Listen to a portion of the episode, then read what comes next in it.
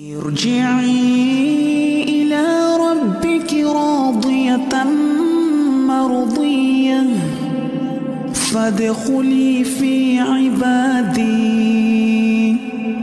وادخلي جنتي.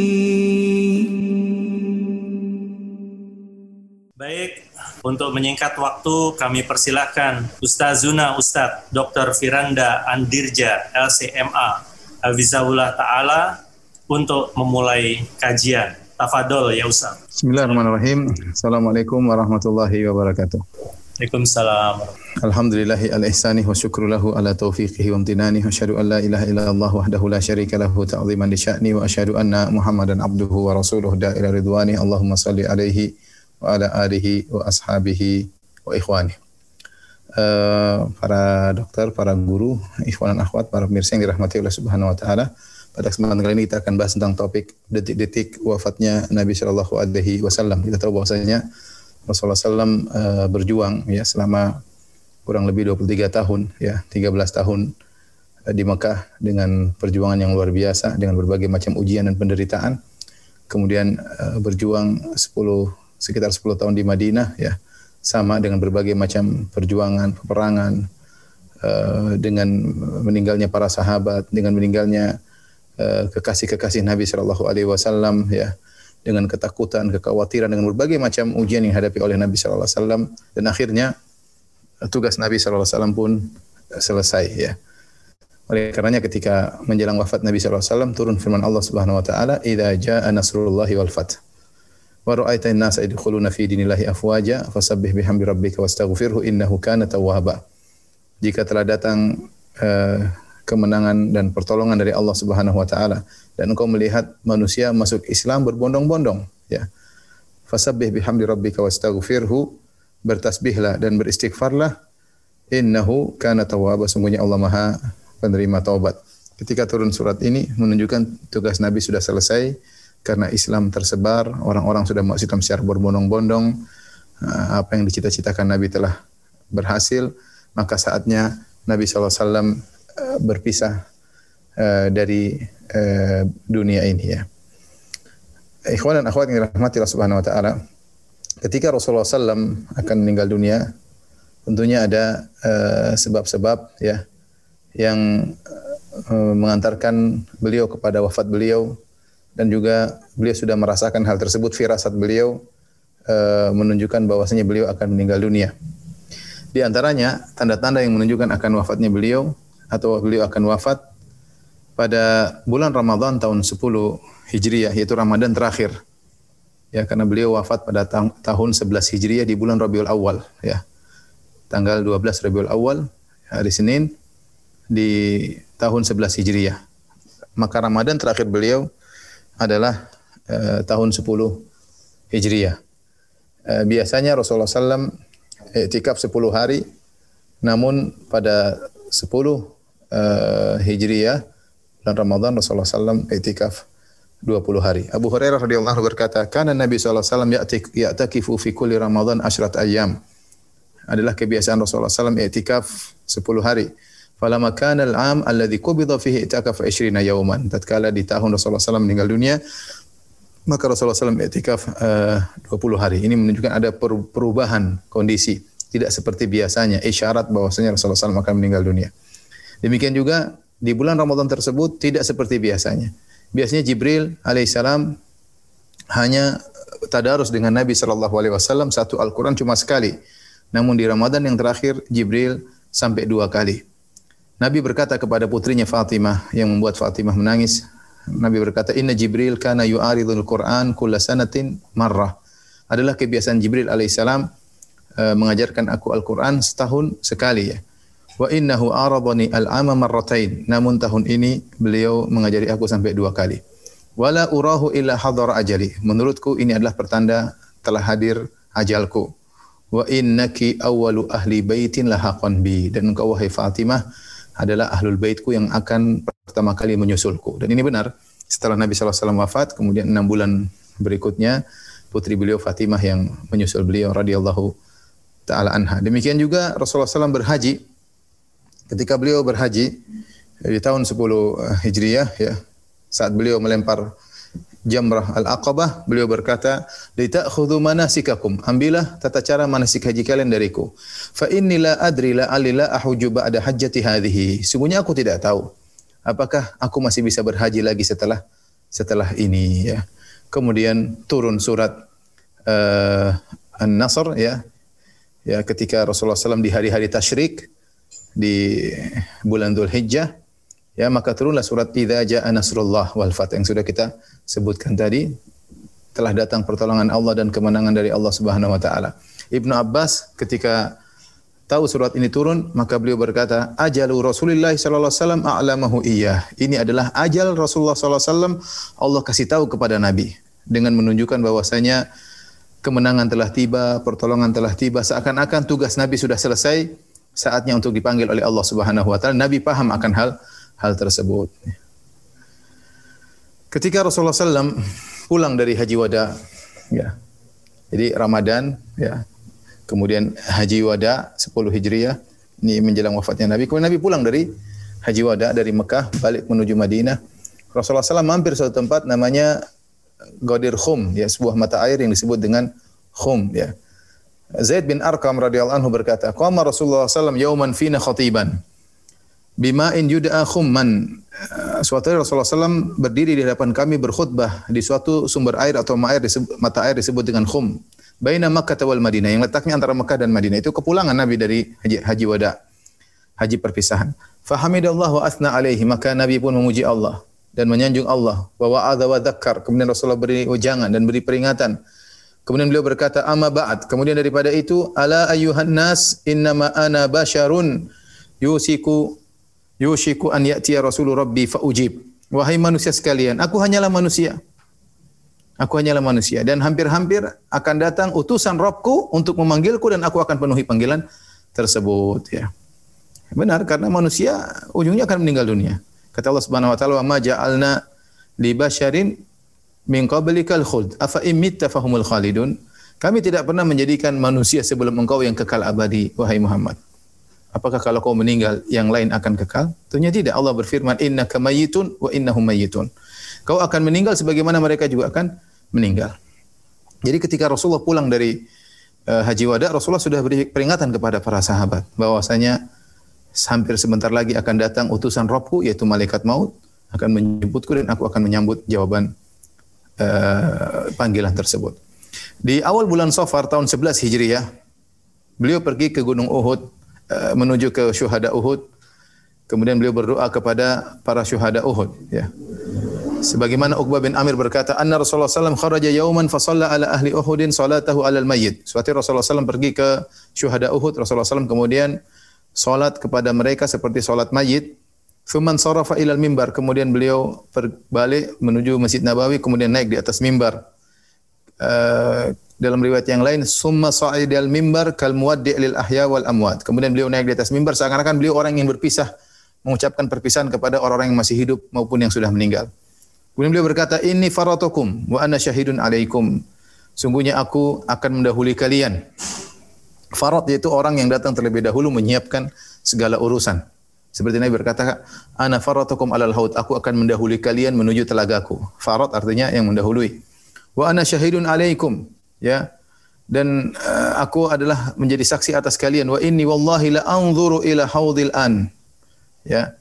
Dan sungguhnya sekarang ya uh, aku melihat kepada telagaku saat ini. Wa inni qad utitu mafatih khazainil ard. Wa inni wallahi ma akhafu alaikum an tusyriku ba'di.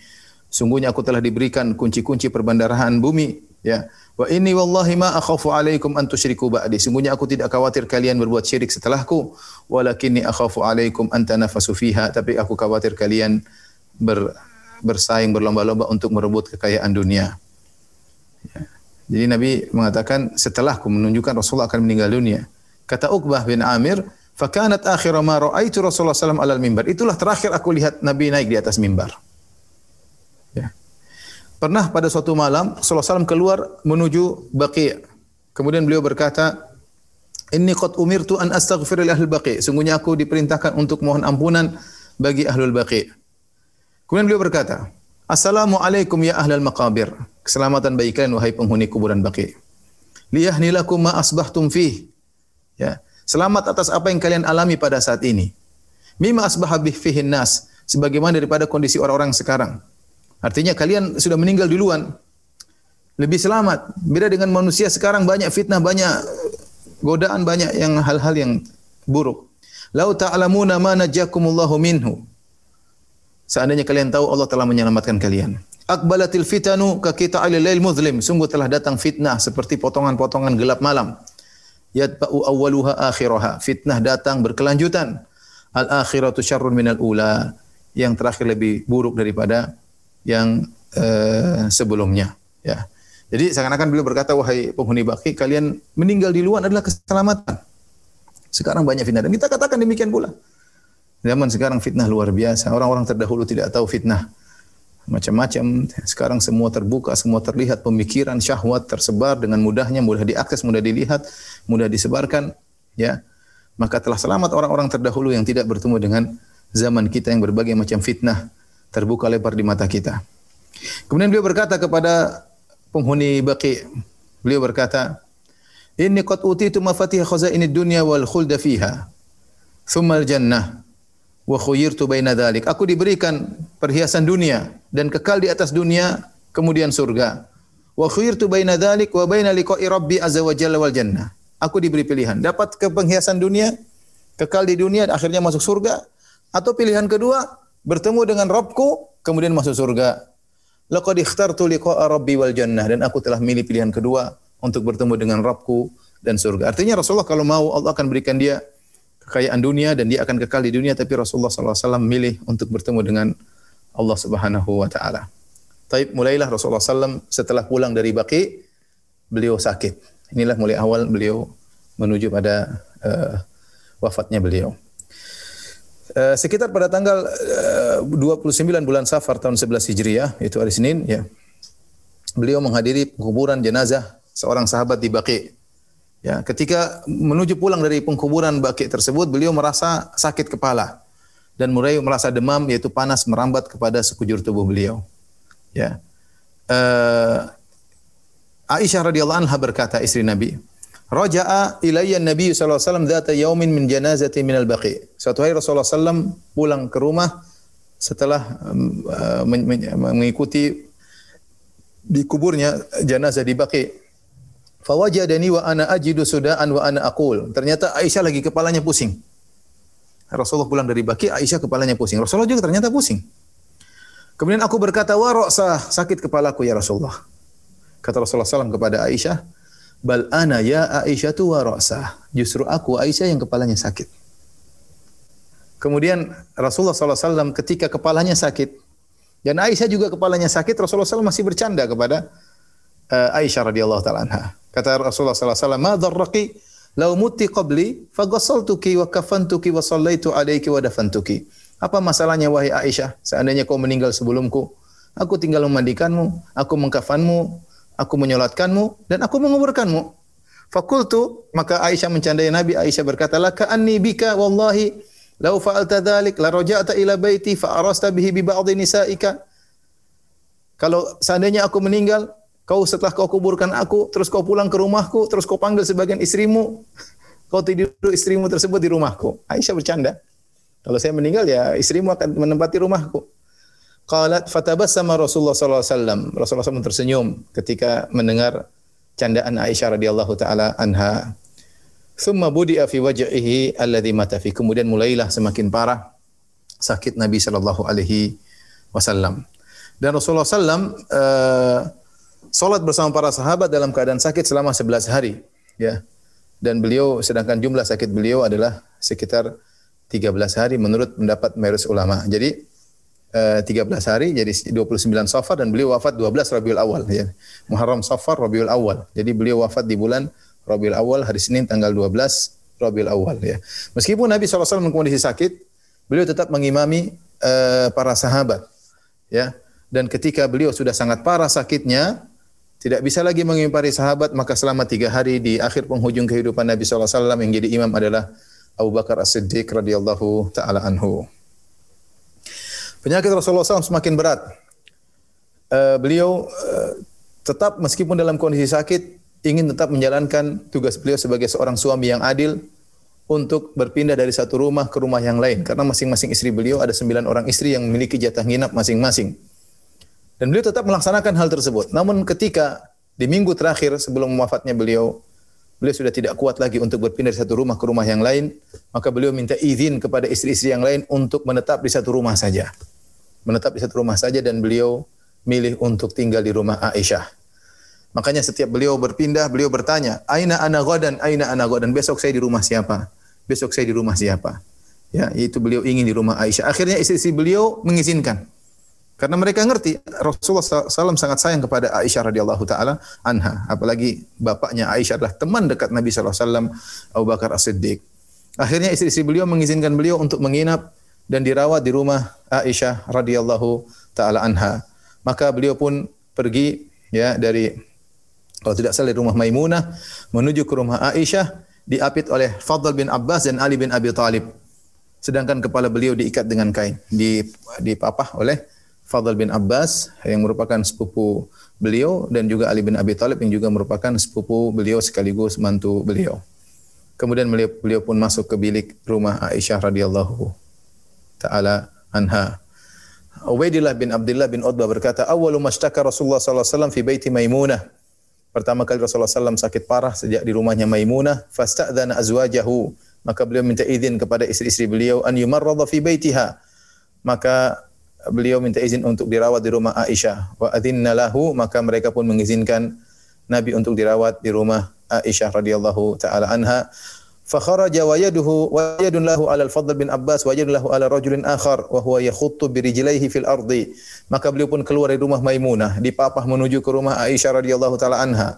Salah satu tangannya di papa oleh Fadl bin Abbas, salah satu tangannya oleh Ali bin Abi Thalib. Sementara beliau berjalan sambil kaki beliau terseok-seok tidak kuat untuk berdiri sampai masuk ke rumah Aisyah radhiyallahu taala anha. Mulailah dirawat di rumah Aisyah. Mulailah para sahabat menjenguk Nabi sallallahu alaihi wasallam dan beliau mengalami demam yang sangat panas. Di antaranya Abu Sa'id Al-Khudri ketika menjenguk Nabi sallallahu alaihi wasallam beliau berkata, "Dakhaltu ala Nabi sallallahu alaihi wasallam wa huwa yu'ak." Aku menjenguk Nabi sallallahu alaihi wasallam dalam kondisi Nabi demam. Fa wada'tu yadi alaihi. Aku pun meletakkan tanganku di uh, tubuh Nabi SAW, fawajatu harrahu baina yadayya fauqal lihaf. Aku dapati panasnya Nabi SAW sampai menembus selimut. Artinya selimut pun sudah terasa panas. Ya, padahal selimut di atas Nabi SAW dan selimut tersebut terasa panas. Tidak wajar. Fakultu ya Rasulullah, ma asyaddaha alaik. Ya Rasulullah, betapa panas yang kau alami ya Rasulullah. Betapa kuat panas yang kau alami. Apa kata Nabi SAW? Inna kadhalika yudha'afu lanal bala. Demikianlah kami para nabi kami dilipat gandakan ujian bagi kami. Wa yudha'afu lanal ajar dan kami dilipat gandakan pahala bagi kami. Kemudian juga beliau dijenguk oleh Ibnu Mas'ud radhiyallahu taala anhu. Ibnu Mas'ud berkata, "Dakhaltu ala Rasulillah sallallahu alaihi wasallam wa huwa yu'ak." Aku menyenguk Nabi sallallahu alaihi wasallam dan Nabi dalam kondisi demam. Fakultu ya Rasulullah, innaka latu'ak wa'kan syadida. Ya Rasulullah, sungguh engkau mengalami demam yang sangat parah. Kata Nabi, ajal, benar. Inni u'ak kama yu'aku rajulani minkum. Sungguhnya aku kalau demam, dua kali lipat daripada demam kalian. Artinya kalau kita demam mungkin 40 derajat, mungkin Nabi ya mungkin 80 sekitar itu. Demamnya dua kali lipat. Fakultu, dzalika anna laka ajrain. Ya Rasulullah, apakah Anda diberi demam dua kali lipat karena pahala Anda dua kali lipat? Kata Nabi, ajal, benar. Dzalika kadzalik, demikianlah. Ma min muslimin yusibuhu adzan. Tidaklah seorang muslim ditimpa dengan suatu gangguan syaukatun fama fauqaha terkena duri atau yang lebih parah daripada itu illa kafarallahu biha sayyiatihi kecuali Allah akan menggugurkan dosa-dosanya kama tahuttu syajaratu sebagaimana pohon yang menggugurkan daun-daunnya ketika Nabi SAW dalam kondisi sakit maka Nabi SAW merukyah dirinya merukyah dirinya. Ketika Nabi sudah semakin parah tidak mampu untuk merukyah dirinya, maka Aisyah radhiyallahu taala anha yang merukyah Nabi sallallahu alaihi wasallam. Aisyah berkata, "Anna Rasulullah sallam kana idza yaqra'u ala nafsihi bil muawwidzat wa yanfuth." Adalah Nabi sallallahu alaihi wasallam kalau beliau sakit beliau merukyah diri beliau kemudian beliau meniupkan kepada uh, tubuh beliau. Falamma ishtadda waj'uhu tatkala sakit beliau semakin parah, kuntu aqra'u alaihi, maka aku yang membacakan buat Nabi wa amsahu biyadihi raja'a barakatiha. Namun aku mengusap bukan dengan tanganku, tapi aku usap dengan tangan Nabi, aku berharap keberkahan dari tangan Nabi sallallahu alaihi wasallam. Ya. Kita lanjut lima hari sebelum wafatnya Nabi sallallahu alaihi wasallam. Hari Rabu, hari Rabu, itu lima hari sebelum wafat Nabi. Ingat, Nabi wafat hari Senin, tanggal 12. Hari Rabu, lima hari sebelum wafat Nabi, demam menyerang seluruh tubuh beliau. Sehingga beliau pun saking panasnya sampai beliau pingsan. Ya. Ketika beliau sadar dari pingsan beliau karena demam yang begitu kuat, beliau berkata, Hariku alayya min sab'i kirab. Ya. Lam tuhlal ukiyatuhunna la'alli ahadu ilan nasi. Siramkanlah kepadaku tujuh air dari kan, dari apa namanya tujuh gentong air atau tempat air yang belum dibuka tali penutupnya, siapa tahu aku bisa segar untuk bertemu dengan orang-orang. Rasulullah SAW belum ketemu dengan para sahabat. Kemudian kata Aisyah radhiyallahu taala anha, wa ujlisa fi mikhdabin li Hafsata. Maka Nabi SAW pun didudukkan di mikhdab. Mikhdab semacam bak yang asalnya digunakan untuk menyuci pakaian oleh mereka di zaman tersebut, tapi Nabi karena sudah tidak bisa bergerak, Nabi diletakkan di mikhlab semacam bak ya, diletakkan di situ milik Hafsah istri Nabi sallallahu alaihi wasallam. Thumma nasubbu alaihi tilka. Maka kami istri-istri Nabi mulailah kami menyiramkan air kepada Nabi. Istri-istri pada ngumpul, istri Nabi pada ngumpul, mereka sama-sama merawat Nabi sallallahu alaihi wasallam, cuma rawatnya di rumah Aisyah. Ya, maka kami pun mulai menyiramkan air kepada Nabi mandikan Nabi sallallahu. Hatta tafiqa yushiru ilaina.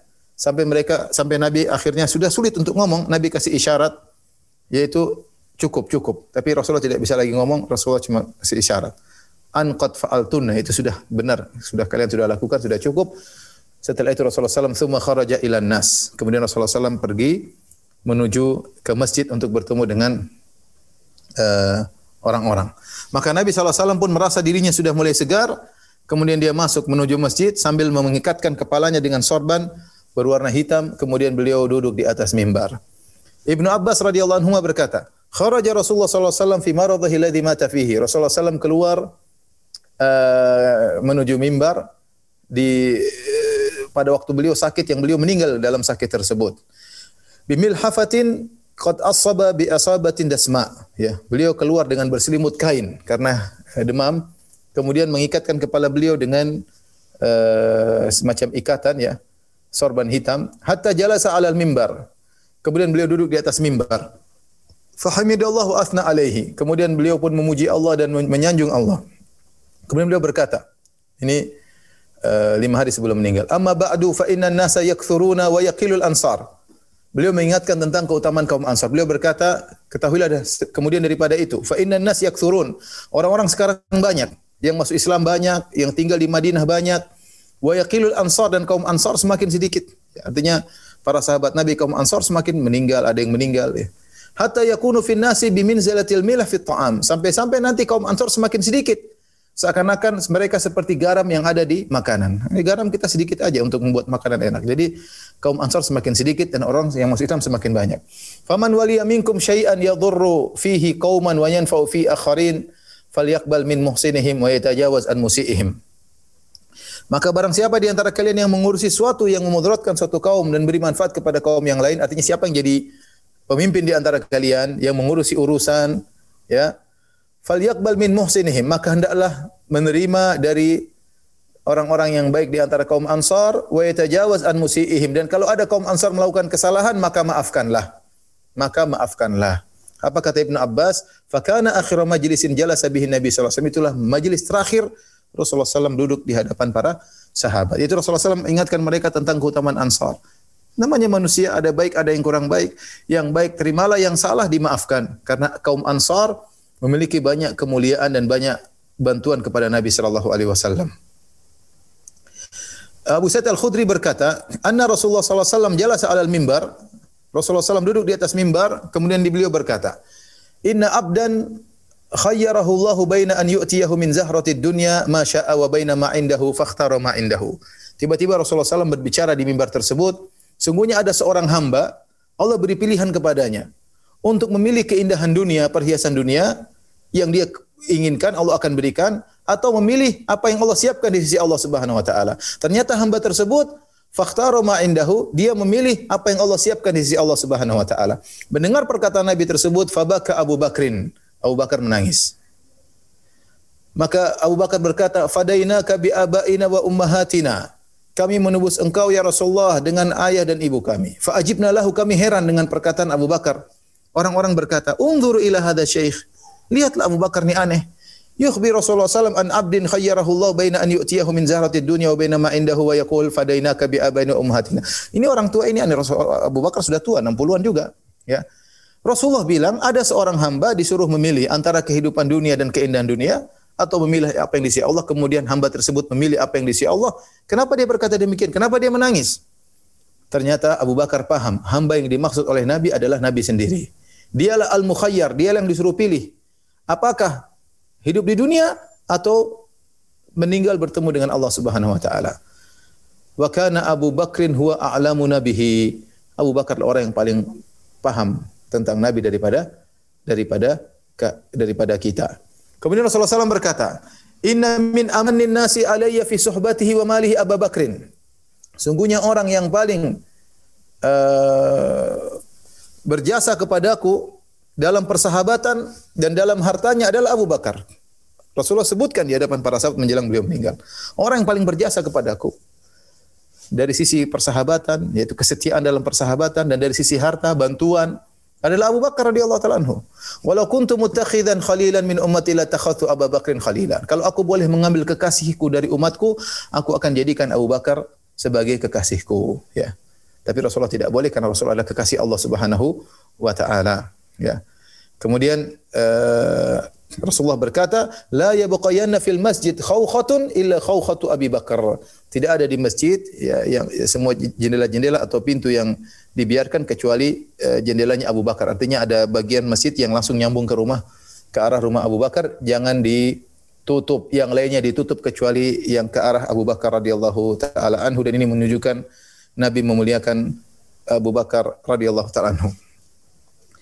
Pada suatu hari Abu Bakar dan Abbas radhiyallahu anhuma melewati suatu majelis dari kaum Ansar dan mereka menangis. Maka Abu Bakar berkata, "Ma yubkikum? Apa yang buat kalian menangis wahai kaum Ansar?" Qalu dzakarna majlisan Nabi wasallam minna.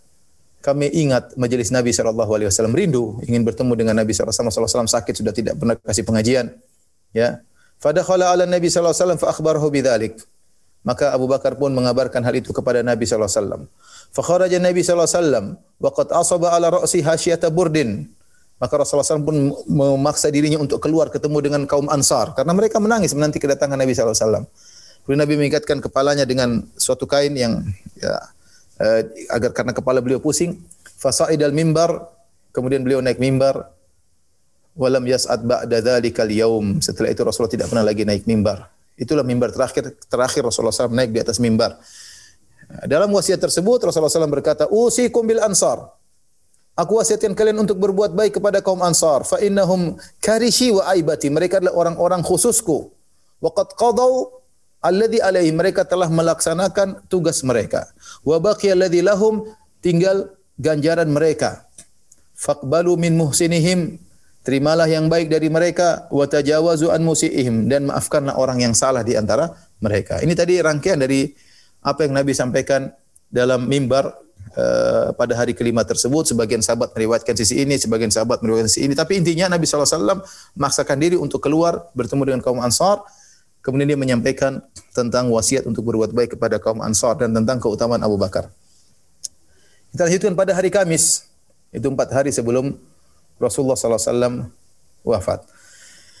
Ibnu Abbas berkata, Yaumul Khamis wa ma Yaumul Khamis hari Kamis. Apakah yang terjadi pada hari Kamis? Thumma baka kemudian Ibnu Abbas menangis. Hatta khadaba dam'uhu al-hasba. Sampai air matanya mengalir dan membasahi tanah.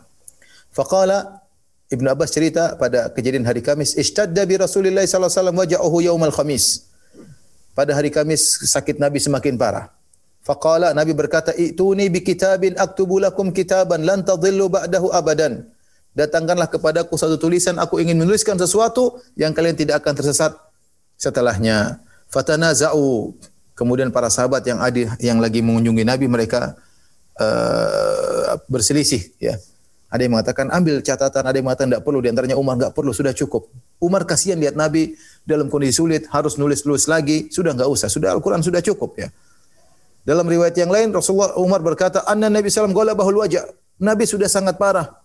Wa indana kitabullah sudah cukup ada Al-Qur'an di sisi kita. Hasbuna sudah cukup. Tidak perlu repotkan Nabi untuk datangkan tulisan untuk menulis sesuatu. Fakhtalafu wa kathura lagat.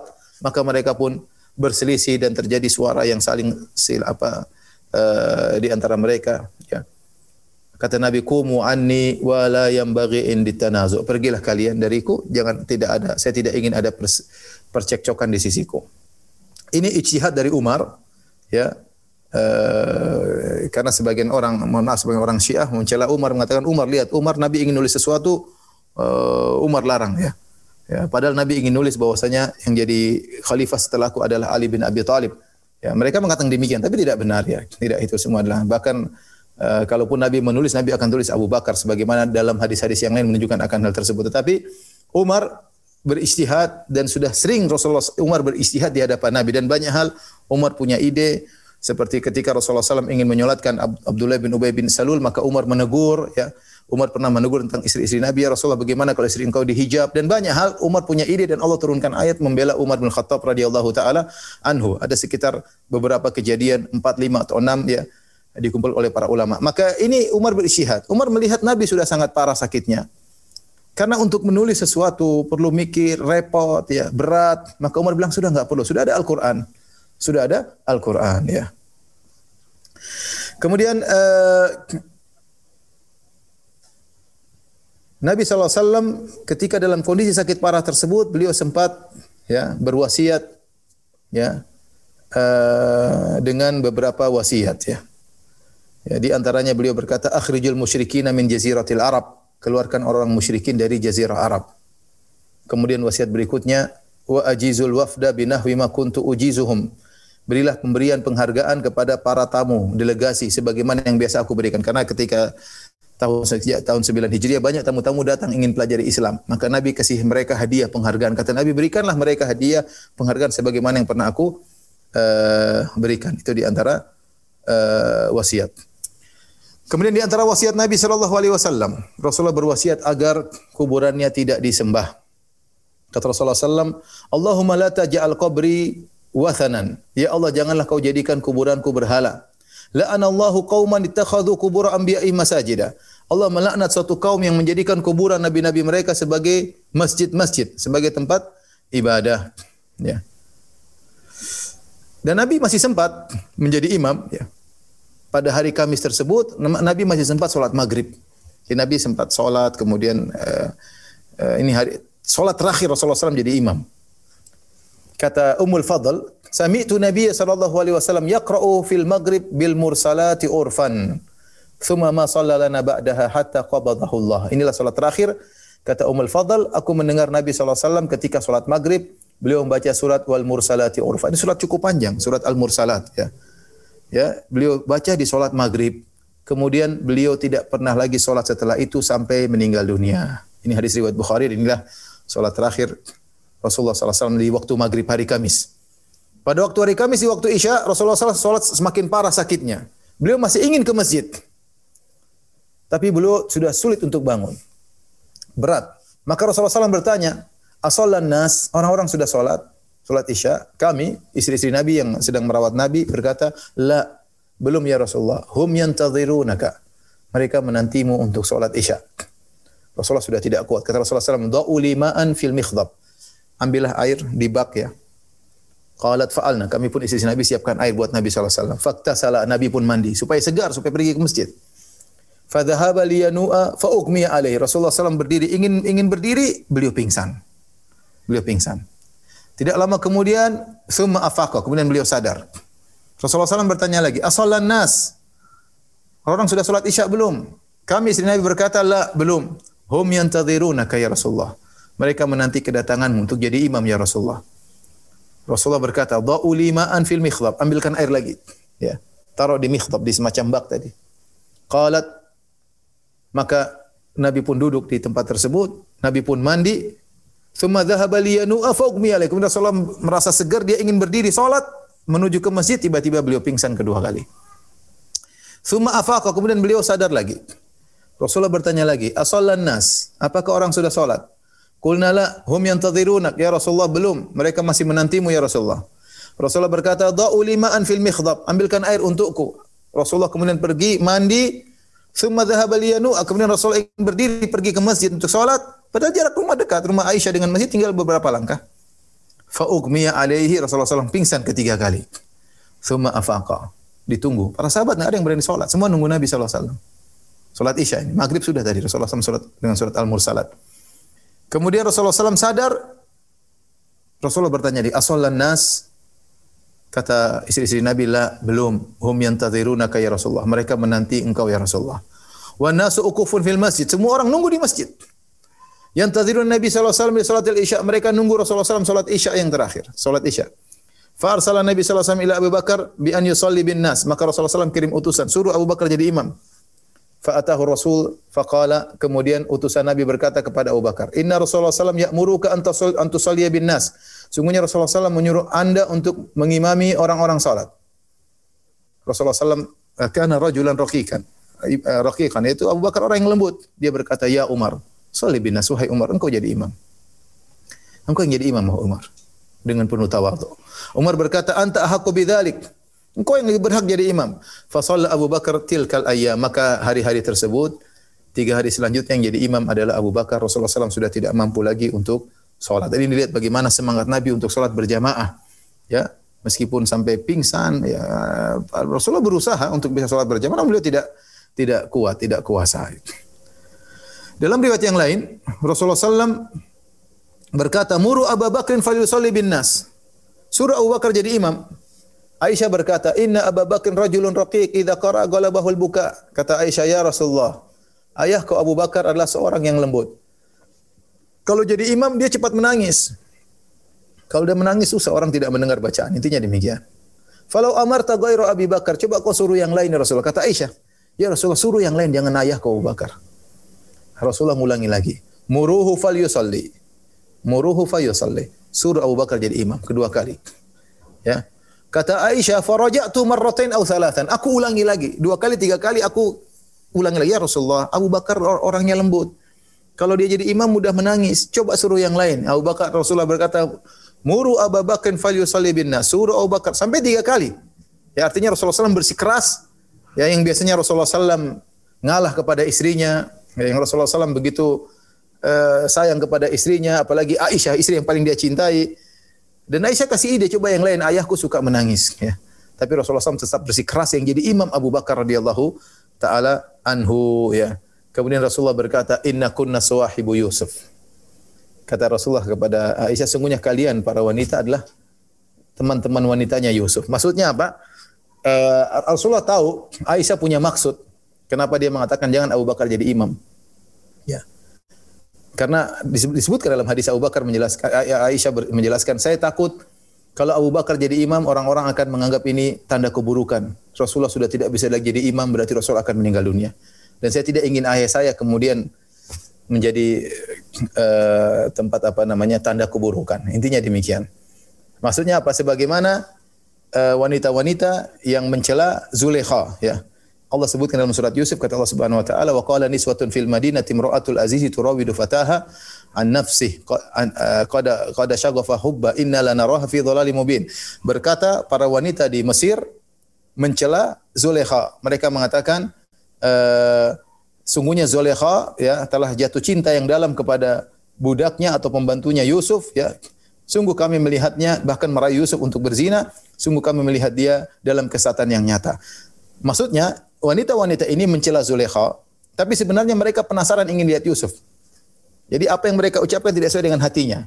Makanya ketika itu Nabi berkata kepada Aisyah, Inna kunna sawahibu Yusuf. Kalian seperti wanita-wanita yang itu. Maksudnya Aisyah ngomong sesuatu, dia bilang, Ya Rasulullah, Abu Bakar suara suka nangis. Tapi maksudnya dia tidak ingin Abu Bakar dicela, karena kalau Abu Bakar jadi imam, pertanda Rasulullah SAW akan meninggal dunia. Uh, kemudian setelah itu Rasulullah SAW memanggil Fatimah. Ya. Fatimah, da'an Nabi SAW Fatimah ibnatahu fi syakwahu alladhi kubidha fih. Rasulullah SAW memanggil Fatimah di ke rumahnya, ke rumah Aisyah di saat sakit yang akhirnya Rasulullah SAW meninggal dunia. Aisyah bercerita, Akbalat Fatimah tu tamshi ka'anna misyataha masyun Nabi wasallam. Datanglah Fatimah masuk ke rumahku. Dan dia berjalan Benar-benar cara jalannya persis seperti jalannya Nabi sallallahu alaihi wasallam. Sebalah sebagian anak seperti jalan seperti bapaknya. Kata Aisyah radhiyallahu anha, jalannya Aisyah, jalannya Fatimah persis seperti jalan bapaknya. Seperti jalannya Nabi sallallahu alaihi wasallam. Faqala Nabi wasallam di tengah sakit yang sangat parah tersebut Nabi berkata, "Marhaban bibnati." Selamat datang wahai putriku. Suma ajlasaha an yaminihi aw an shimali. Kemudian Rasulullah SAW mendudukkan Fatimah sebelah kanannya atau sebelah kirinya. Suma asarra ilaiha. Kemudian Rasulullah SAW membisikkan sesuatu kepada Fatimah. Fabakat. Setelah dibisiki sesuatu oleh Nabi, Fatimah pun menangis. Fakultu laha lima tabekin. Aku bertanya kepada Fatimah, kenapa engkau menangis? Suma asarra ilaiha hadithan fadahikat. Kemudian Rasulullah SAW ngomong lagi kepada Aisyah eh, kepada Fatimah bisik-bisik, kemudian Fatimah tertawa atau tersenyum. Fakultu ma ra'aitu kal yaumi farahan aqraba min huznin. Aku tidak pernah melihat kejadian seperti hari ini. Baru saja menangis terus tertawa. Fasa'altuha amma qal. Kemudian aku bertanya kepada di kemudian hari aku bertanya kepada Fatimah, apa yang diucapkan Nabi kepada engkau? Faqalat, apa kata Fatimah? Ma kuntu li ufsiya sirra Rasulillah sallallahu alaihi wasallam hatta qubida Nabi sallallahu alaihi wasallam aku tidak akan menyebarkan rahasia Nabi sampai Rasulullah SAW meninggal dunia. Fasal tuha, kemudian aku tanya kepada Fatimah, akhirnya Fatimah berkata, asarra ilayya. Sungguhnya Rasulullah SAW bisikan suatu kepadaku, dia berkata, sungguhnya Jibril datang kepadaku setiap tahun mengajarkan Al-Quran sekali. Namun tahun ini Rasulullah Jibril mengajarkan aku Al-Quran dua kali. Dan menurutku itu tanda bahwasanya ajalku telah tiba. Dan engkau adalah wanita atau keluar ahlul bait yang pertama yang akan menyusulku. Fabakaitu. Ketika aku mendengar hal tersebut bahwasanya Rasulullah SAW akan meninggal dan aku yang pertama kali menyusulnya, fabakaitu aku pun menangis. Ketika Rasulullah SAW melihat Fatimah menangis, Rasulullah SAW bisikan lagi. Kata Rasulullah SAW, "Ama tardaina an takuni sayyidatan nisa'i ahli jannah atau nisa'il mu'minin?" Apakah kau, apakah kau suka wahai Fatimah engkau menjadi pimpinan para wanita di surga atau pemimpin wanita kaum mukminin? Fadhahiktu lidzalik, maka aku pun tersenyum, aku tertawa mendengar hal tersebut, kabar gembira dari Nabi sallallahu alaihi wasallam. Di hari tersebut tiga hari sebelum tiga hari Nabi meninggal dunia, Nabi sallallahu alaihi wasallam uh, pernah berkata, kata Jabir bin Abdullah, sami'tu Nabi wasallam qabla wafatihi bi thalath. Aku mendengar Rasulullah SAW berkata tiga hari sebelum meninggal, la yamutanna ahadukum illa wa huwa yuhsinu billahi dhanna. Jangan sekali-sekali salah seorang dari kalian meninggal kecuali dia berhusnudzon, berbaik sangka kepada Allah Subhanahu wa taala. Kemudian kita lanjut, dua hari atau sehari sebelum wafat. Pada suatu hari, yaitu hari eh, Sabtu atau hari Ahad, Nabi merasakan penyakitnya agak berkurang. Dan beliau keluar di papah dua orang untuk menunaikan sholat duhur. Ya. Jadi beliau maksakan diri untuk sholat duhur. Sehari atau dua hari sebelum meninggal. Yaitu hari Sabtu atau hari Ahad. Summa inna Nabi SAW kata Aisyah wajada min nafsi khiffatan. Suatu hari Rasulullah SAW merasa dirinya agak segar. Fa kharaja baina rajulaini, maka dia pun dipapa oleh dua orang. Ahaduhuma Al-Abbas li salati dhuhri Abu Bakrin li bin. Salah satunya itu itu Al-Abbas bin bin Abdul uh, Muttalib, paman Nabi SAW. Satunya Ali bin Abi Talib ya. Dan Abu Bakar yang jadi imam. Sudah sejak tiga hari Abu Bakar jadi imam. Falamma ra'ahu Abu Bakrin dhahaba liyata'akhkhar. Ketika Nabi Abu Bakar sedang salat, dan Rasulullah datang masbuk, maka Abu Bakar mulai mundur, mau mundur agar Nabi jadi imam. Fa'auma'a ilaihi Nabi SAW bi alla yata'akhir. Nabi kasih isyarat, tidak usah mundur, tetap aja di tempatmu. Kata Nabi kepada dua orang yang mem memapahnya, ajlisani ila jambihi. Dudukkanlah aku di samping Abu Bakar. Fa'ajlasahu ila jambi Abu Bakar. Maka keduanya meletakkan Nabi di sisi Abu Bakar. Qala faja'ala Abu Bakar yusalli wa huwa ya'tammu bi salatin Nabi wasallam. Maka Nabi jadi imam, Abu Bakar bermakmum kepada Nabi sallallahu alaihi wa nasu bi salati Abu Bakar dan orang-orang ikuti salatnya Abu Bakar. Abu Bakar ikut Nabi tapi yang suara berteriak Allahu Akbar Abu Bakar. Rasulullah suaranya lemah. Jadi Rasulullah kemudian Abu Bakar, orang-orang ikut salatnya Abu Bakar. Wan Nabi wasallam shalla qaidun. Rasulullah sallallahu salat dalam kondisi uh, duduk. Inilah salat jamaah terakhir yang dihadiri oleh Nabi sallallahu alaihi wasallam, yaitu hari Sabtu atau hari hari Ahad, yaitu solat zuhur. Setelah itu Nabi tidak bisa lagi solat berjamaah sampai meninggal dunia. Sehari sebelum wafat, hari Ahad, sehari sebelum wafat Nabi, beliau merdekakan budak-budaknya dan menginfakkan seluruh hartanya.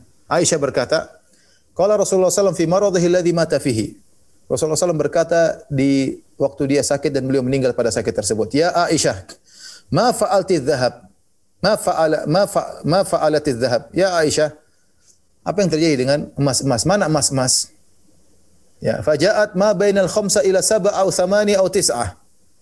Maka Aisyah pun mengambil sisa dinar, mungkin dinar, lima keping, atau tujuh keping, atau delapan keping, atau sembilan keping dinar. Faja'ala yuqallibu habiyadihi. Maka Rasulullah SAW bolak-balikan. Rasulullah sempat lupa, dia ternyata masih punya emas. Rasulullah SAW bolak-balikan emas tersebut. Kemudian beliau berkata, perhatikan beliau berkata, "Ma dhanna Muhammadin billahi azza wa jalla law laqiyahu wa hadhihi indahu." Bagaimana persangkaan Muhammad kepada Allah Subhanahu wa taala kalau Muhammad bertemu dengan Allah ternyata masih ada tujuh kuping emas ini di tangannya. Anfiqiha wahai Aisyah infakkan seluruhnya. Rasulullah tidak ingin ketemu dengan Allah sementara beliau masih punya harta yang yang banyak. Sallallahu alaihi wasallam. Maka Aisyah berkata, "Ma taraka Rasulullah SAW dinaran wala dirhaman wala syatan wala ba'iran wala awsa bi syai'." Rasulullah SAW tidak meninggalkan apa pun ketika dia meninggal. Tidak ada yang dia tinggalkan. Tidak ada dinar, sekeping dinar pun tidak ada. Sekeping dirham pun tidak ada. Seekor kambing pun tidak ada. Seekor onta pun tidak ada. Dan Rasulullah tidak ada wasiat apa pun.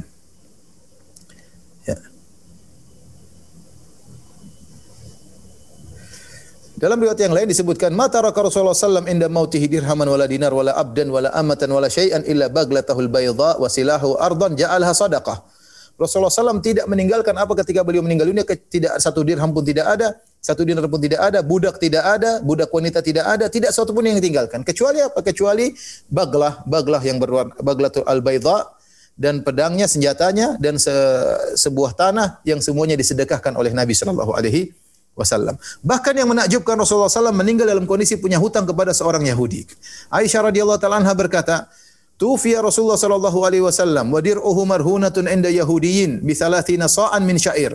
Rasulullah SAW meninggal dalam kondisi menggadaikan baju perangnya untuk membeli 30 sa' satu sa' itu seukuran zakat fitrah 30 yaitu 30 kali 2,5 kilogram berupa gandum ya. Kata Ibnu Abbas radhiyallahu anhu, akhadahu ta'aman li ahlihi. Beliau mengambil itu berhutang dengan menggadaikan baju perangnya dalam rangka untuk memberi makan kepada keluarganya. Beliau punya sembilan istri harus dikasih makan ya. Uh, menakjubkan Rasulullah SAW saya berhutang kepada seorang Yahudi. Sebagian ulama menjelaskan karena Rasulullah SAW uh, beliau tidak ingin merepotkan para sahabat. Para sahabat kalau tahu Rasulullah SAW susah mereka akan tawarkan bantuan. Tapi ada hal-hal yang Rasulullah SAW mereka tidak tahu. Contoh seperti Jabir bin Abdullah ketika dalam perang Khandaq. Beliau melihat Rasulullah SAW perutnya sudah cekung, yaitu sudah kelaparan.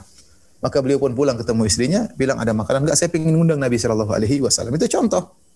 Para sahabat bisa melihat kesulitan Nabi, maka mereka tawarkan. Ya. Seperti Rasulullah SAW pakai baju lusuh, baju yang sudah tidak pantas. Ada seorang wanita memberikan hadiah baju kepada Nabi Shallallahu Alaihi Wasallam, dan baju Rasulullah terima hadiah. Ya. Uh, namun kali ini Rasulullah SAW tidak punya makanan itu di rumah. Dan tidak tahu, para sahabat tidak tahu kalau Rasulullah SAW di rumahnya nggak ada gandum, tidak ada apa-apa. Ya. Maka Rasulullah SAW tidak mengabarkan kepada para sahabat. Karena kalau Rasulullah kabarkan kepada para sahabat, beliau pasti dikasih dan beliau pasti dikasih hadiah. Dan beliau tidak ingin merepotkan para sahabat, maka beliau lebih memilih untuk berhutang kepada seorang Yahudi. Bahkan yang beliau gadaikan adalah baju perang beliau. Suatu hal yang sangat berharga bagi seorang lelaki ketika itu, senjatanya, baju perangnya dia gadaikan. Karena sudah tidak ada apa-apa. Beliau gadaikan untuk bukan untuk macam-macam tapi untuk memberi gandum ya, kalau bahasa kita untuk beli beras untuk persiapan makan bagi uh, istri-istrinya. Taib hari terakhir. Hari terakhir. Anas bin Malik radhiyallahu anhu berkata, ini hari Senin, ya. Anna Abu Bakrin kana yusalli lahum fi waja'in Nabi sallallahu alaihi wasallam alladhi tuwfiya fihi. Abu Bakar menjadi imam di hari Rasulullah SAW meninggal ya, di sakit ketika Rasulullah SAW meninggal karena sakit tersebut. Hatta idza kana yaumul itsnain sampai ketiga hari hari Senin wa hum sufufun fi salat dan mereka sedang dalam saf salat. Fakashafa Nabi sallallahu alaihi wasallam sitral hujrah yaitu salat subuh ya. Rasulullah SAW kemudian membuka sitar dari kamar beliau. Jadi kan masjid di samping ya. Para sahabat salat di samping. Rasulullah SAW buka sitar atau tirai dari jendela rumah beliau yang duru ilaina Rasulullah SAW melihat kami sedang salat wa huwa qaimun ka'anna wajhahu waraqatu mushaf Rasulullah SAW berdiri kami lihat Nabi wasallam seakan-akan wajahnya adalah lembaran mushaf yaitu wajah bersih putih ya halus. Thumma tabassama yadhak. Kemudian Rasulullah SAW tersenyum dan tertawa.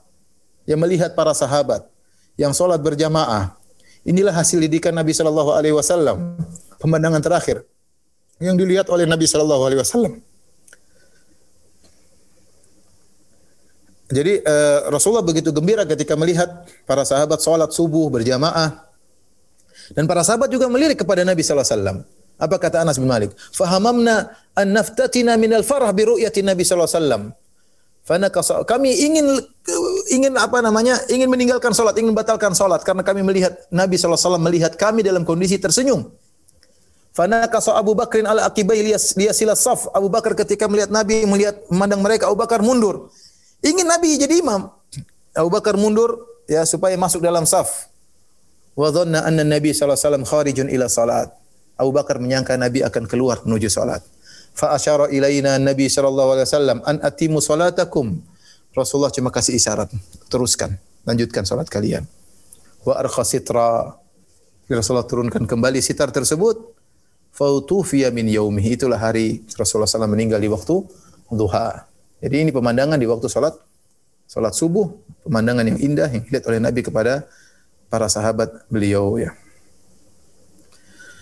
Uh, Fatimah ketika Rasulullah semakin parah ya kata Anas bin Malik lamma thaqula Nabi sallallahu alaihi wasallam ja'ala yataghasyahu ketika uh, Nabi SAW semakin parah, ya, kepayahan meliputi Nabi SAW, maka Fatimah berkata kepada Nabi SAW, Wa karba abah, sungguh berat sakitmu wahai ayahanda. Kata Rasulullah kepada Fatimah radhiyallahu taala anha, "Laisa ala abiki karbun ba'dal yaum." Tidak ada lagi penderitaan setelah hari ini wahai Fatimah ya. Itu sudah masuk akhirat semuanya kebahagiaan. Eh, ketika itu Rasulullah SAW sudah mengirim Usama bin Zaid untuk ke negeri Syam Ya. E, namun ketika datang kabar bahwasanya Nabi sakit parah, maka pasukan-pasukan tersebut berhenti di Jurf. Jurf itu kira-kira 5-6 kilo dari Masjid Nabawi. Sekitar e, kalau sekarang e, sekitar segitulah ya. Satu farsakh ya. Kira-kira agak jauh dan mereka apa namanya berkem di situ, mereka tidak melanjutkan perjalanan karena mendengar Nabi SAW sakit. Dan di antara pasukan tersebut ada Umar bin Khattab. Pemimpinnya adalah Usama bin Zaid. Maka ketika datang kabar Usama balik ke kota Madinah, ya. Usama bin Zaid berkata, "Lamma jadi tidak jadi berangkat, mampir dulu ketemu Nabi. Lamma thaqula Rasulullah sallam habatu wa habata nas ma'i ila Madinah." Ketika Rasulullah semakin parah, kami pun turun dari Jurf menuju Nabi SAW dan beberapa orang ikut dengan aku.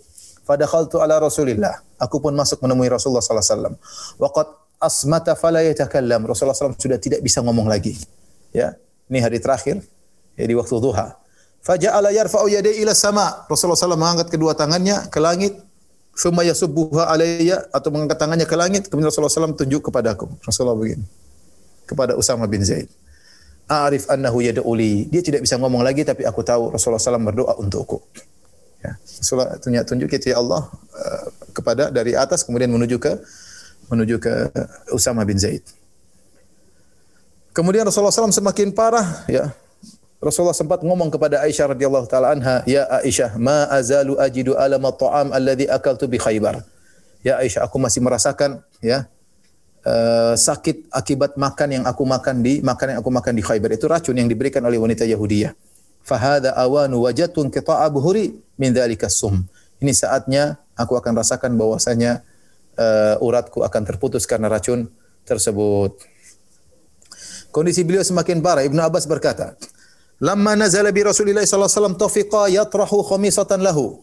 Ketika Rasulullah SAW semakin parah, semakin panas, maka Rasulullah SAW mengambil kain untuk menutup ala wajih, menutup wajahnya karena demam. Fa idza tamma biha kasyafa. Ketika Rasulullah SAW semakin sulit, Rasulullah buka lagi kain tersebut.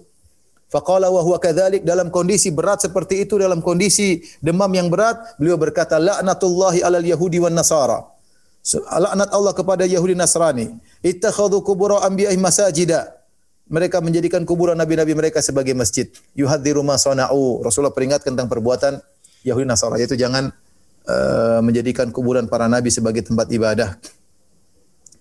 Dalam riwayat yang lain Aisyah berkata, Rasulullah SAW berkata, La'anallahu al-Yahuda wa nasara ittakhadhu kubura anbiya'i masjida. Semoga Allah melaknat Yahudi Nasara. Mereka menjadikan kuburan nabi mereka sebagai masjid.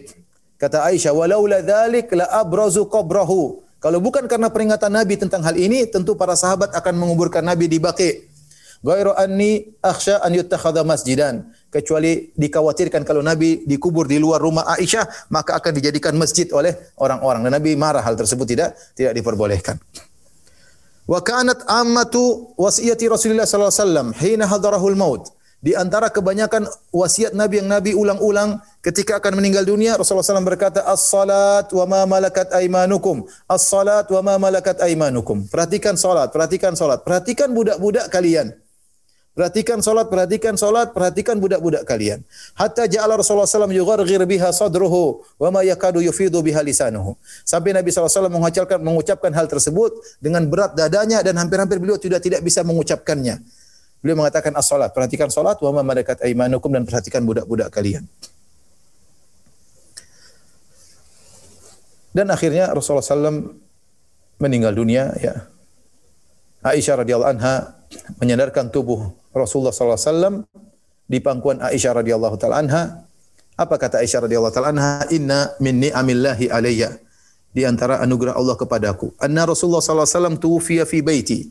Rasulullah SAW wafat di rumahku wa fi yaumi dan wafat ketika jatah nginapku wa baina sahri wa nahri dan Rasulullah SAW wafat di antara dadaku dan di uh, leherku itu di pangkuan Aisyah radhiyallahu anha wa anna Allah jama'a baina riqi wa riqihi inda mautihi. Dan Allah mengumpulkan antara liurku dengan liur Nabi sallallahu alaihi wasallam ketika Rasulullah SAW meninggal dunia. Bagaimana ceritanya? Aisyah berkata dakhala alayya Abdurrahman. Suatu hari ketika Rasul akan meninggal dunia, masuklah Abdurrahman bin Abi Bakar, yaitu saudara saudaranya Aisyah, Abdurrahman bin Abi Bakar. Wa biyadihi siwak. Dan Abdurrahman sedang bersiwak. Wa ana musnidatun Rasulullah sallallahu alaihi wasallam. Dan aku sedang menyerahkan Nabi di di pangkuanku. Faraaituhu yanzuru ilaihi. Rasulullah sudah sulit bicara. Rasulullah memandang Abdurrahman bin Abi Bakar yang sedang bersiwak. Rasulullah ngeliatin terus. Wa araftu annahu yuhibbus siwak. Dan aku tahu Nabi SAW suka bersiwak. Fakultu, aku berkata kepada Nabi, akhudhuhu laka. Apakah aku ambil siwak itu untuk engkau? Fa asyara bi ra'sihi. Rasulullah SAW tidak bisa ngomong, Rasulullah hanya menundukkan kepalanya, yaitu iya. Fatanawaltuhu fashtadda alaihi. Kemudian aku pun ambil siwak tersebut. Sepertinya sulit bagi Nabi. Aku berkata, ulayyinuhu lak. Aku lembutkan siwak tersebut. Fa asyara bi. Kata Nabi iya. Falayan tuhu maka aku pun gigit siwak tersebut. Kata Aisyah, aku gigit. Di situlah air liur Aisyah di siwak tersebut. Dia gigit supaya lembut. Fa amarrahu ya ya kemudian wa baina yadayhi raqwatun aw ulbatun fiha ma. Ya. Kemudian setelah itu Rasulullah SAW mengambil siwak tersebut, kemudian dia pun bersiwak dengan siwak tadi yang sudah bercampur dengan air liurku ya. Kemudian Rasulullah SAW di situ ada air, Rasulullah masukkan kedua tangannya di air, kemudian dia mengusap wajahnya, kemudian beliau berkata, La ilaha illallah, inna lil mauti la sakarat. Tidak ada sembahan yang berhak disembah kecuali Allah, sungguhnya ada sakarat bagi kematian. Thumma nasaba yadahu, kemudian beliau angkat tangan beliau, faja'ala yakul fir rafiqil a'la. Beliau berkata bersama rombongan yang di atas. Hatta qubida wa malat yaduhu. Kemudian beliau pun dicabut nyawanya sehingga tangannya pun terjatuh. Itulah kalimat terakhir yang keluar dari Nabi sallallahu alaihi wasallam. Dalam sebagian riwayat kata Aisyah, "Fama ra'aitu Rasulullah sallam istanna istinanan qattu ahsana minhu." Maka Nabi pun bersiwak kata Aisyah, "Aku tidak pernah melihat Nabi bersiwak seindah seperti dia bersiwak sebelum wafat, sebelum meninggal uh, meninggal dunia." Ya. Disebutkan dalam riwayat yang lain, ya, Falamma mashtaka wa haddarahu al-qabdu wa ra'su ala fakhidhi Aisyah gushi alaihi. Ketika Rasul akan meninggal dunia, kepala Nabi di paha Aisyah radhiyallahu taala anha. Kemudian Rasulullah SAW pingsan, kemudian Rasulullah SAW sadar. Syakhasa basarahu nahwa saqafil bait. Kemudian beliau melihat ke arah uh, atap rumah, kemudian beliau berkata, "Allahumma fir rafiqil a'la." Ya Allah, fir rafiqil a'la bersama Rafiqil A'la disebutkan beliau ucapkan sampai tiga kali. Allahumma fir Rafiqil A'la. Ya Allah bersama rombongan yang uh, mulia. Ya Allah bersama Rafiq Al-A'la. Ada yang mengatakan dua khilaf. Ada yang, apa yang dimaksud Rafiqil A'la? Ada yang mengatakan maksudnya bersama engkau ya Allah. Ar-Rafiq maksudnya Allah Subhanahu wa taala. Yaitu Rasulullah SAW sebelum meninggal beliau diberi pilihan. Ya, tidak ada seorang nabi pun meninggal dunia kecuali diberi pilihan. Pilihan untuk hidup di dunia dengan kemewahannya atau bertemu dengan Allah Subhanahu wa taala dan Nabi memilih untuk bertemu dengan Allah, Nabi berkata, "Allahumma fir rafiqil a'la." Ya Allah, bersama ar-rafiqil a'la. Apa ini maksud rafiqil a'la? Dua pendapat. Ada yang mengatakan rafiqil a'la maksudnya Allah Subhanahu wa taala, ar-rafiq yang Maha Rahim. Ada yang mengatakan rafiqil a'la maksudnya oh, golongan-golongan yang mulia, yaitu yang Allah sebutkan ma'alladzina an'amallahu alaihim minan nabiyyin was-siddiqin wasyuhada was-salihin, yaitu bersama orang-orang yang saleh, para anbiya yang sudah meninggal terlebih dahulu. Rasulullah ucapkan sampai tiga kali. Dalam riwayat yang lain, Rasulullah SAW berkata, Allahumma gufirli warhamni wa alhiqni birrafiq. Ya Allah ampunilah aku. Rahmatilah aku. Dan ikutkanlah aku bersama orang-orang yang telah kau beri anugerah kepada mereka. Ya. Kata Aisyah, kuntu asma'u, aku mendengar, annahu la yamutu nabiyyun hatta yukhayyaru bainad dunya wal akhirah. Tidak seorang nabi meninggal kecuali diberi pilihan, dunia atau akhirat.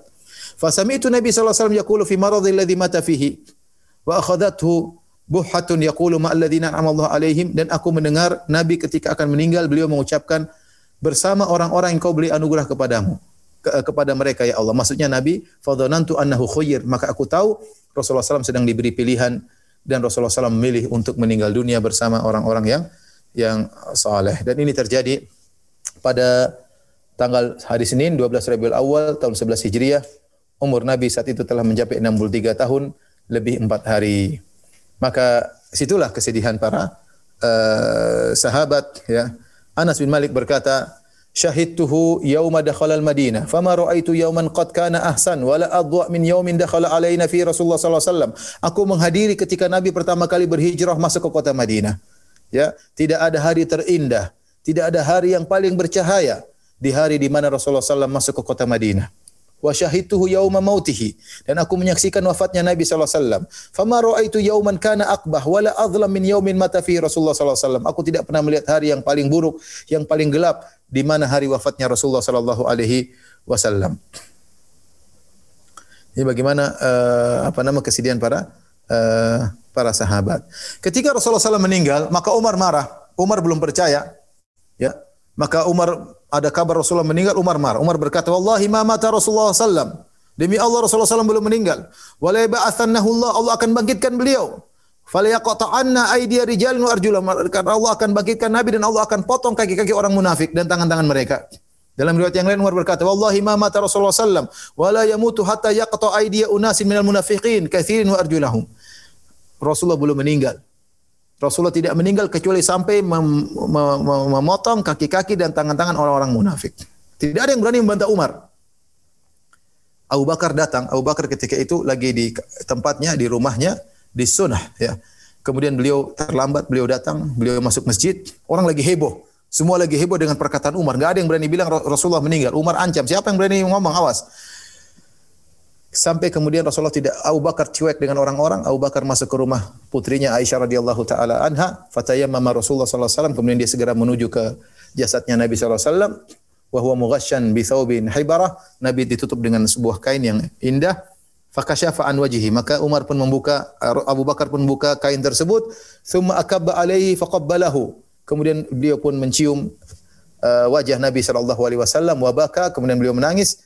Kemudian beliau berkata, "Bi abi anta wa ummi wallahi la yajma'u Allahu alayka mautataini. Amal mautatul lati kutibat alayka faqad muttaha." Allah tidak akan mencatat bagimu dua kali kematian wahai Rasulullah. Kematian pertama sudah kau rasakan. Artinya Rasulullah akan mendapatkan kebahagiaan setelah wafatnya tersebut. Kemudian Abu Bakar menuju masjid. Umar sedang ngomong kepada orang-orang. Abu Bakar berkata, "Ijlis ya Umar, duduk wahai Umar."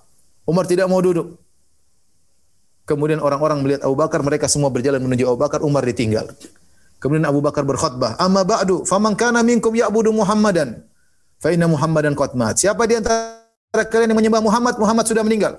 Wa man kana minkum ya'budu Allah. Siapa yang menyembah Allah, fa inna Allah hayyun la yamut. Sungguhnya Allah Maha hidup dan tidak akan mati.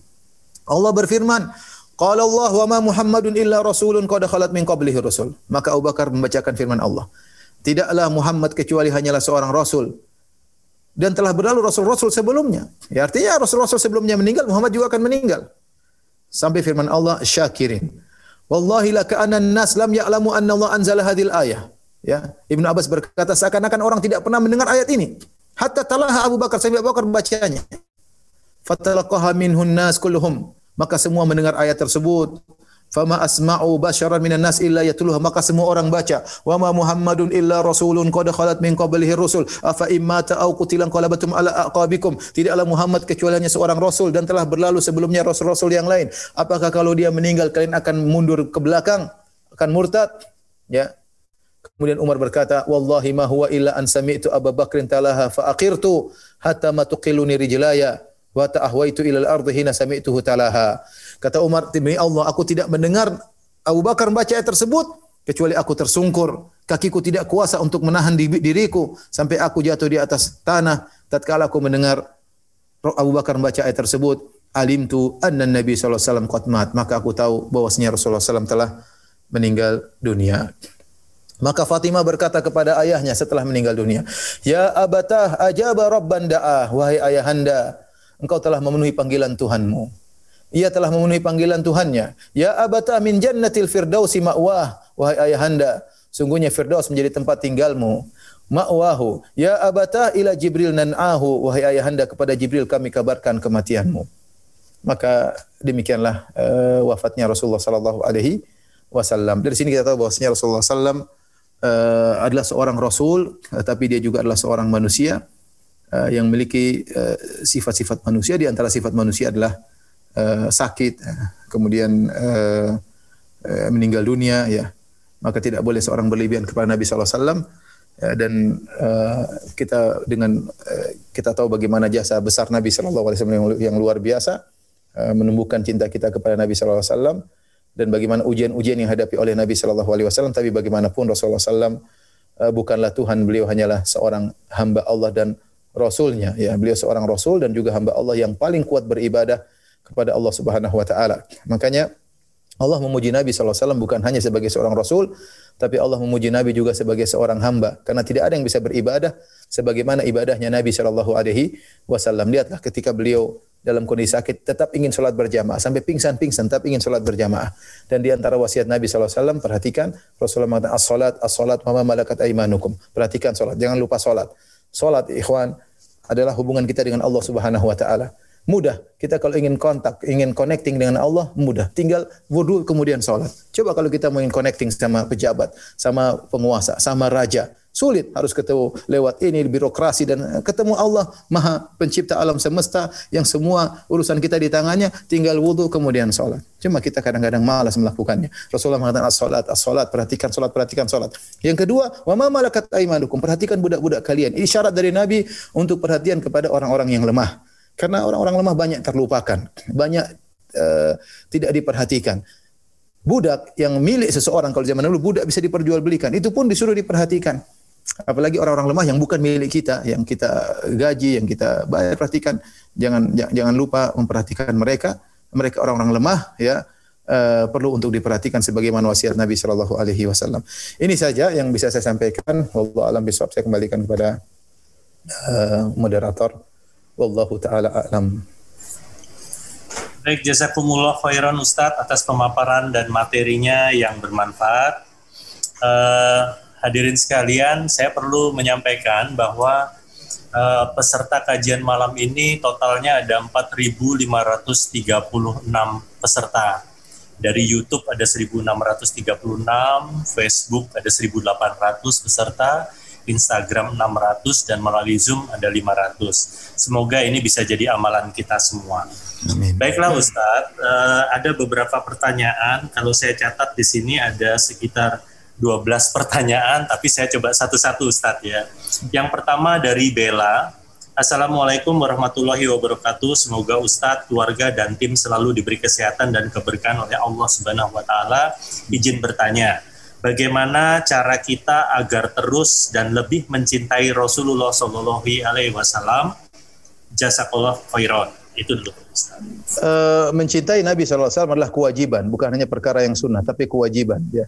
Bahkan kita harus mencintai Nabi lebih daripada diri kita sendiri. Uh, la yu'minu ahadukum hatta yuhibba li, uh, la yu'minu ahadukum hatta akuna habba ilahi min waladi walidi wa nasi ajma'in tidak beriman seorang sampai aku lebih dia cintai daripada orang tuanya, daripada anaknya, daripada seluruh manusia. Umar pernah berkata, "Ya Rasulullah, anta habbu ilai min kulli syai'in illa min nafsi." Ya Rasulullah, engkau adalah orang yang paling aku cintai kecuali diriku sendiri. Kata Nabi, belum ya Umar, sampai engkau lebih mencintai aku daripada dirimu sendiri. Hal itu dikarenakan eh, jasa Nabi kepada kita sangat sangat besar. Ya. Kalau uh, dengan mengenal sunnah Nabi SAW, dengan mengenal Islam, kita mendapatkan kebahagiaan. Kita sudah bahagia di dunia dengan mengenal Islam, dengan menjalankan sunnah Nabi. Belum lagi kalau kita terus ber, berpegang teguh dengan sunnah Nabi, kita akan bahagia dengan kebahagiaan abadi di akhirat. Dengan kenikmatan yang sempurna di sana. Kekal selama-lamanya. Maka orang yang paling berjasa dalam kehidupan kita adalah Nabi SAW. Dan kita tahu namanya orang yang paling berjasa harus, harus kita cintai yang harus kita cintai. Dari sini kita tahu kenapa Nabi lebih harus kita cintai daripada ayah kita, daripada ibu kita, daripada seluruh manusia. Nah, bagaimana cara kita mencintai Nabi SAW? Cara yang paling mudah adalah mengenali Nabi SAW. Ya, karena seperti pepatah orang Indonesia tak kenal maka tak sayang.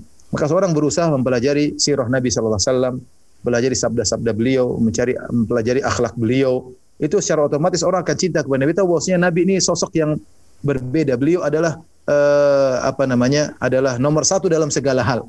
Dalam se sebagai suami dia suami yang terbaik, sebagai ayah ayah yang terbaik, sebagai teman-teman yang terbaik, sebagai kepala negara kepala negara yang terbaik, ya, sebagai dermawan dermawan yang terbaik, sebagai pemaaf pemaaf yang terbaik, nomor satu dalam segala dalam dalam hal keberanian dia keberanian yang terbaik.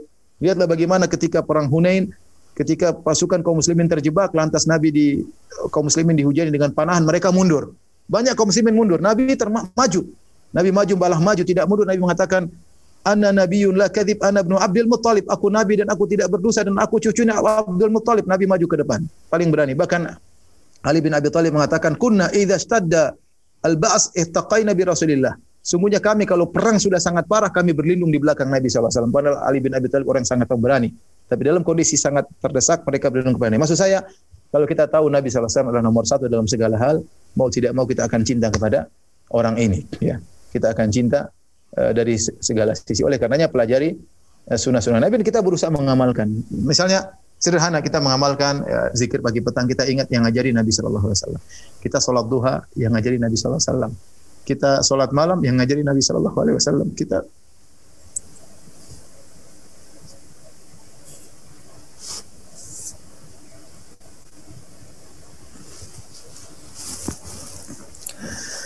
Jadi ikhwan dan akhwat yang Allah Subhanahu wa taala paling kita berusaha mempelajari sirah Nabi SAW dan kita uh, berusaha menjalankan sunnahnya sedikit demi sedikit karena Allah tentunya tapi kita ingat ini semua ajaran dari Rasulullah sallallahu alaihi wasallam. Allah taala alam bisawab. Terima kasih Ustaz.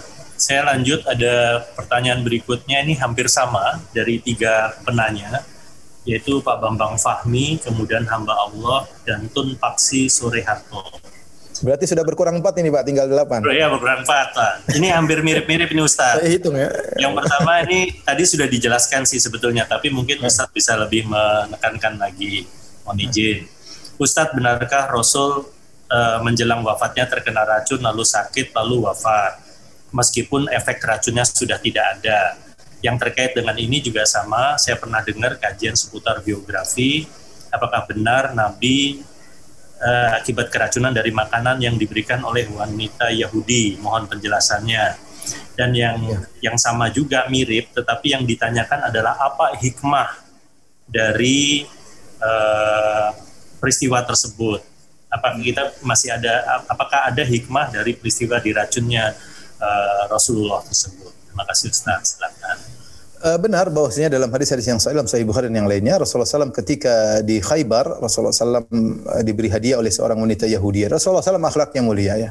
Wanita Yahudi kasih uh, kambing. Rasulullah SAW husnudzon ya. Ternyata kambing tersebut dilumuri racun, racun yang paling parah. Dilumuri sehingga orang makan sedikit bakalan meninggal. Akhirnya Rasulullah SAW mengajak teman-temannya, sahabat-sahabat untuk makan. Ketika sempat makan, tuh, rupanya kambing tersebut berbicara, ini masmumah aku beracun. Maka Rasulullah SAW mengatakan, irfau aidiyakum, angkat tangan kalian, jangan makan, lanjutkan. Tapi sebagian sahabat sudah lanjut makan.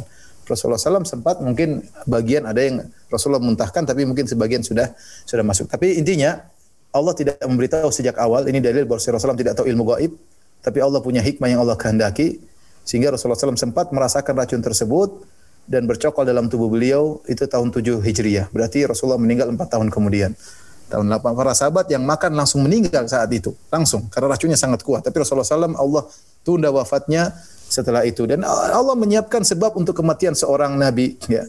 Di antaranya sebabnya adalah racun di antara hikmahnya kata para ulama agar Rasulullah SAW mendapatkan pahala syahadah pahala mati syahid ya. Allah ingin mengangkat derajat nabi setinggi-tingginya. Makanya Rasulullah SAW diberi, diberi ujian yang sangat berat. Ya kata Nabi ketika ditanya, "Man asyadun nasi balaan?" Siapa orang yang paling berat ujiannya? Kata Nabi, "Al-anbiya, para nabi yang paling berat ujiannya." Lihat bagaimana Nabi SAW sakitnya jadi dua kali lipat. Panasnya dua kali lipat daripada kita. Kemudian lihat istrinya Khadijah radhiyallahu anha meninggal dunia. Lihat anak-anaknya semua meninggal di zaman kecuali Fatimah. Anak-anaknya dari dari Abdullah, Qasim, kemudian uh, Ruqayyah, kemudian uh, Ummu Kulthum, kemudian Zainab, kemudian Ibrahim yang meninggal di pangkuan Nabi SAW. Ini adalah ujian yang sangat berat. Bagaimana seorang anaknya meninggal, tapi Rasulullah SAW semua anaknya meninggal. Kemudian paman yang dia cintai, Abu Talib meninggal dunia. Kemudian Hamzah yang dia cintai juga meninggal dunia. Para sahabat meninggal di hadapan Nabi Shallallahu Alaihi Wasallam. Nabi Shallallahu Alaihi Wasallam kalau kita baca sejarahnya berpindah dari satu kesulitan ke kesulitan yang lain. Sampai Allah ingin memberikan pahala mati syahid bagi Nabi Shallallahu Alaihi Wasallam di antaranya dengan racun sebab racun tersebut. Ini di antara hikmah yang Allah eh, para ulama sebutkan agar semakin sempurna uh, apa namanya uh, pahala Nabi SAW. Bahkan di penghujung hayatnya diberi sakit yang berat, ya, dan Nabi rasakan sakit tersebut dengan penuh kesabaran. Rasulullah mengatakan demikianlah para Nabi, kami diberi sakit dua kali lipat daripada kalian karena pahala kami berlipat ganda. Wallahu alam bisawab. Ustaz. Ada lagi pertanyaan dari sahabat Rangga Siswara. Assalamualaikum warahmatullahi wabarakatuh. Ustaz, bagaimana hukum rukiah? Karena ada salah satu hadis menyatakan bahwa tidak akan masuk surga tanpa hisap apabila seorang meminta rukyah. Jazakallah khair. Uh, rukyah, uh, kalau rukyah merukyah diri sendiri nggak ada masalah. Merukyah orang lain juga tidak ada masalah.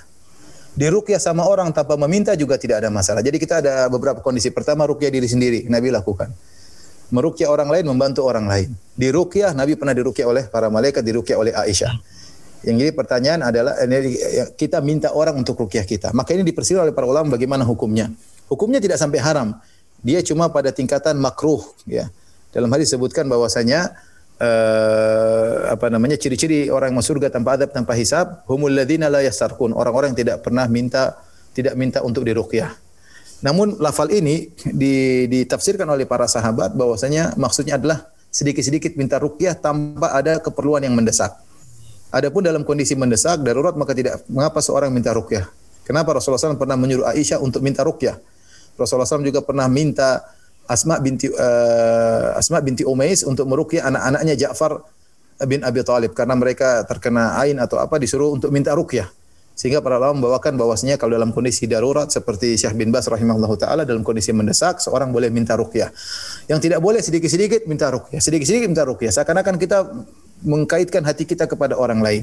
Kalau kita bisa rukyah rukyah sendiri, tapi kalau dalam kondisi mendesak, misalnya tersihir dalam sihir yang parah atau dalam boleh kita minta rukyah sebagaimana Nabi SAW menyuruh Aisyah untuk minta rukyah dan Rasulullah SAW menyuruh uh, Asma binti Umais untuk minta rukyah untuk anak-anaknya Ja'far bin Abi Thalib radhiyallahu taala anhum ajma'in. Wallahu alam bisawab.